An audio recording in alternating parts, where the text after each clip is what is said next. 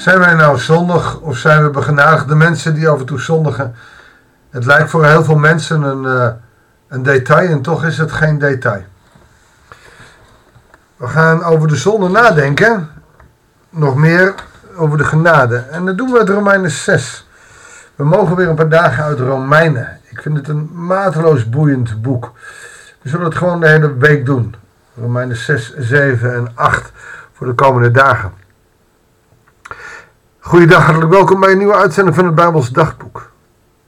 Betekent dit nu dat we moeten blijven zondigen om de genade te laten toenemen? Weet je nog wel, uh, de laatste keer dat we uit Romeinen 5 hebben uh, gelezen. Uh, later is de wet erbij gekomen, ze staat er, zodat overtredingen toenamen, maar waar de zonde toenam, werd ook de genade steeds overvloediger. Betekent dit nu, zegt Paulus meteen met een retorische vraag, om de, uh, dat we moeten blijven zondigen om de genade te laten toenemen? Dat in geen geval. Hoe zouden wij, die dood zijn voor de zonde, nog in zonde kunnen leven? Wat Paulus hier doet, is het is, is cynisch, kritisch, sarcastisch vragen. Daar is hij goed in. Dat doet hij in Romeinen vaker. Dat is hij heel scherp. Hoe zouden wij die dood zijn voor de zonde nog in zonde kunnen leven? Oftewel, als christen mag je niet zondigen. Nee, maar Paulus, we doen het. En daar is nou die hele discussie uit voortgekomen. We doen het. Weet u niet dat wij die gedoopt zijn in Christus Jezus zijn gedoopt in zijn dood? Zijn door de doop in zijn dood met hem begraven om, zoals Christus door de macht van de Vader uit de dood is opgewekt, een nieuw leven te leiden. Hij doet dit om, uh, om het heel strak te zetten, om het heel scherp neer te zetten. Hij jullie zijn niet meer zondig, want jullie zijn door zijn doop, door zijn dood gedoopt, zodat jullie herrezen zijn met hem. En dat doet hij zo scherp omdat hij het scherp wil hebben. Zondigen wij dan niet meer? Ja, we zondigen wel, maar dat is dan niet zo erg, want we zijn begenadigd door Christus. Nee, als je zondigt, ben je een zondaar. Als je steelt, ben je een dief. Als je liegt, ben je een leugenaar.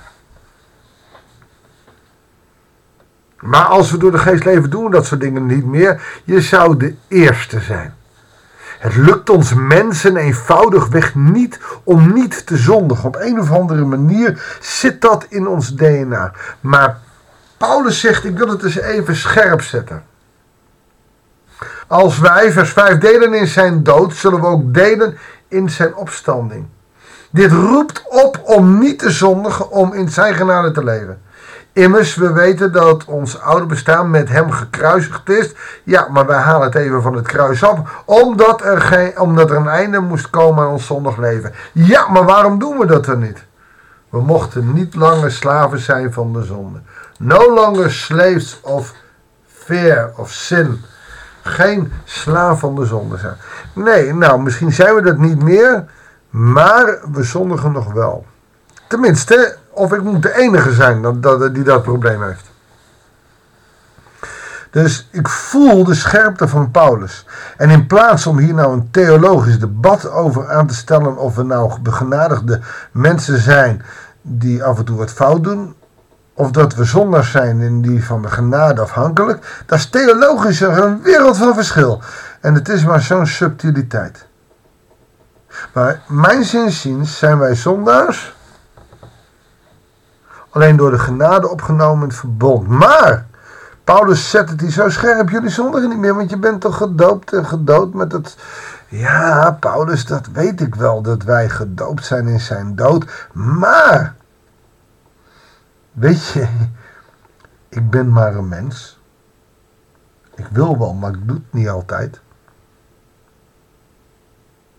Nou, zegt Paulus, luister nou eens, wie gestorven is, is rechtens vrij van de zonde.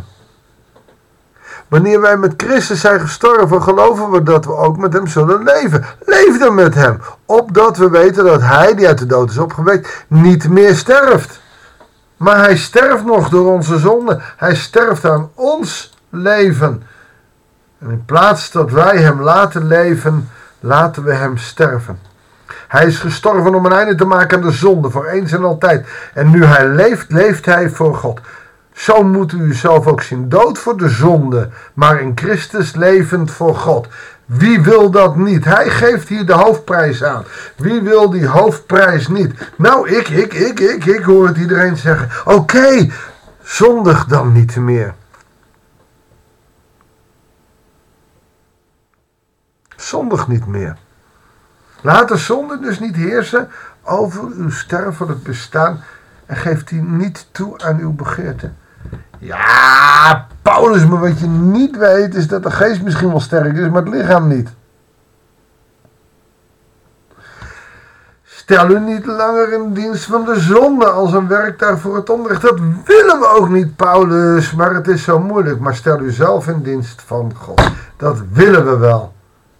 Maar het leven is niet altijd even makkelijk. Denk aan uzelf als een levende die uit de dood zijn opgewekt en stel u in dienst van God als een werktuig voor de gerechtigheid. De zonde mag niet langer over u heersen, want u staat niet onder de wet, maar leeft onder de genade. En dat betekent dat we daarna moeten leven. Zondig dus niet meer. Nee, maar zondig je dus wel,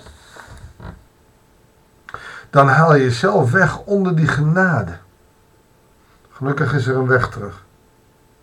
En wij zijn de zondags afhankelijk van die genade. En die genade wordt ons toegezegd. Dus zondig niet meer, dan kan je des te meer leven van die genade. Het is dus niet zo, hoe meer je zondigt, hoe meer genade. Nee, je kunt leven in zijn genade, in de vrijheid van Christus. Als je niet meer zondigt. God, ik wil niet meer zondigen. Wat Paulus hier doet, is het zo scherp stellen dat we niet meer willen zondigen. Maar wat we doen, is het eigenlijk afvlakken. Dus zegt nee, we zijn begenadigde mensen. We zijn vrijgekocht, dus we zijn geen zondaars meer. Oh, dan heb je dus de, de genade niet meer nodig. Nou, sorry, daar komt het met mij niet door. Je hebt de genade nog wel degelijk nodig. Zullen we God maar gewoon danken voor zijn genade? Vader in hemel, dank u wel voor uw liefde, voor uw genade, voor uw grootheid, voor de kracht die u ons geeft Dank u wel dat we ook deze week weer met u verder mogen gaan. Zegen ons zo. Heer, stel ons in de vrijheid en help ons om niet te zondigen, maar zonder zonde te leven. Maar wat is dat moeilijk, God? Heer, geef ons de kracht, inspiratie en de wijsheid van uw Heilige Geest, zodat we zonder zonde proberen te leven. Zegen ons zo in de machtige naam van onze Heer Jezus Christus. Amen. Dank jullie wel voor het luisteren. Tof. Jullie stimuleren mij om dit elke dag te blijven doen. Zodat ik jullie elke dag kan laten delen in mijn gedachten over wat ik lees. Zo houden we dat voor elkaar in stand. En doe eens lief. Hashtag doe eens lief. Deel van deze podcast. Laat het een doel zijn. Om, en ik zal hem niet te hoog leggen eind van het jaar, december. 2000 luisteraars. Het liefst zou ik die 1700, waar we aan zaten, verdubbelen. We zitten inmiddels in 1300. Door de coronacrisis heel veel mensen die op een andere manier bezig zijn in de auto niet meer luisteren. Geeft niks. Het gaat niet om het aantal. En toch heb ik wel dat als doel. Want hoe meer mensen dit horen, hoe meer mensen met God bezig zijn, hoe meer mensen met God bezig zijn, hoe meer de shalom van Hem over de aarde mag komen. Ik wens je een, een gezegende dag. En graag tot de volgende uitzending van het Bijbelsdagboek.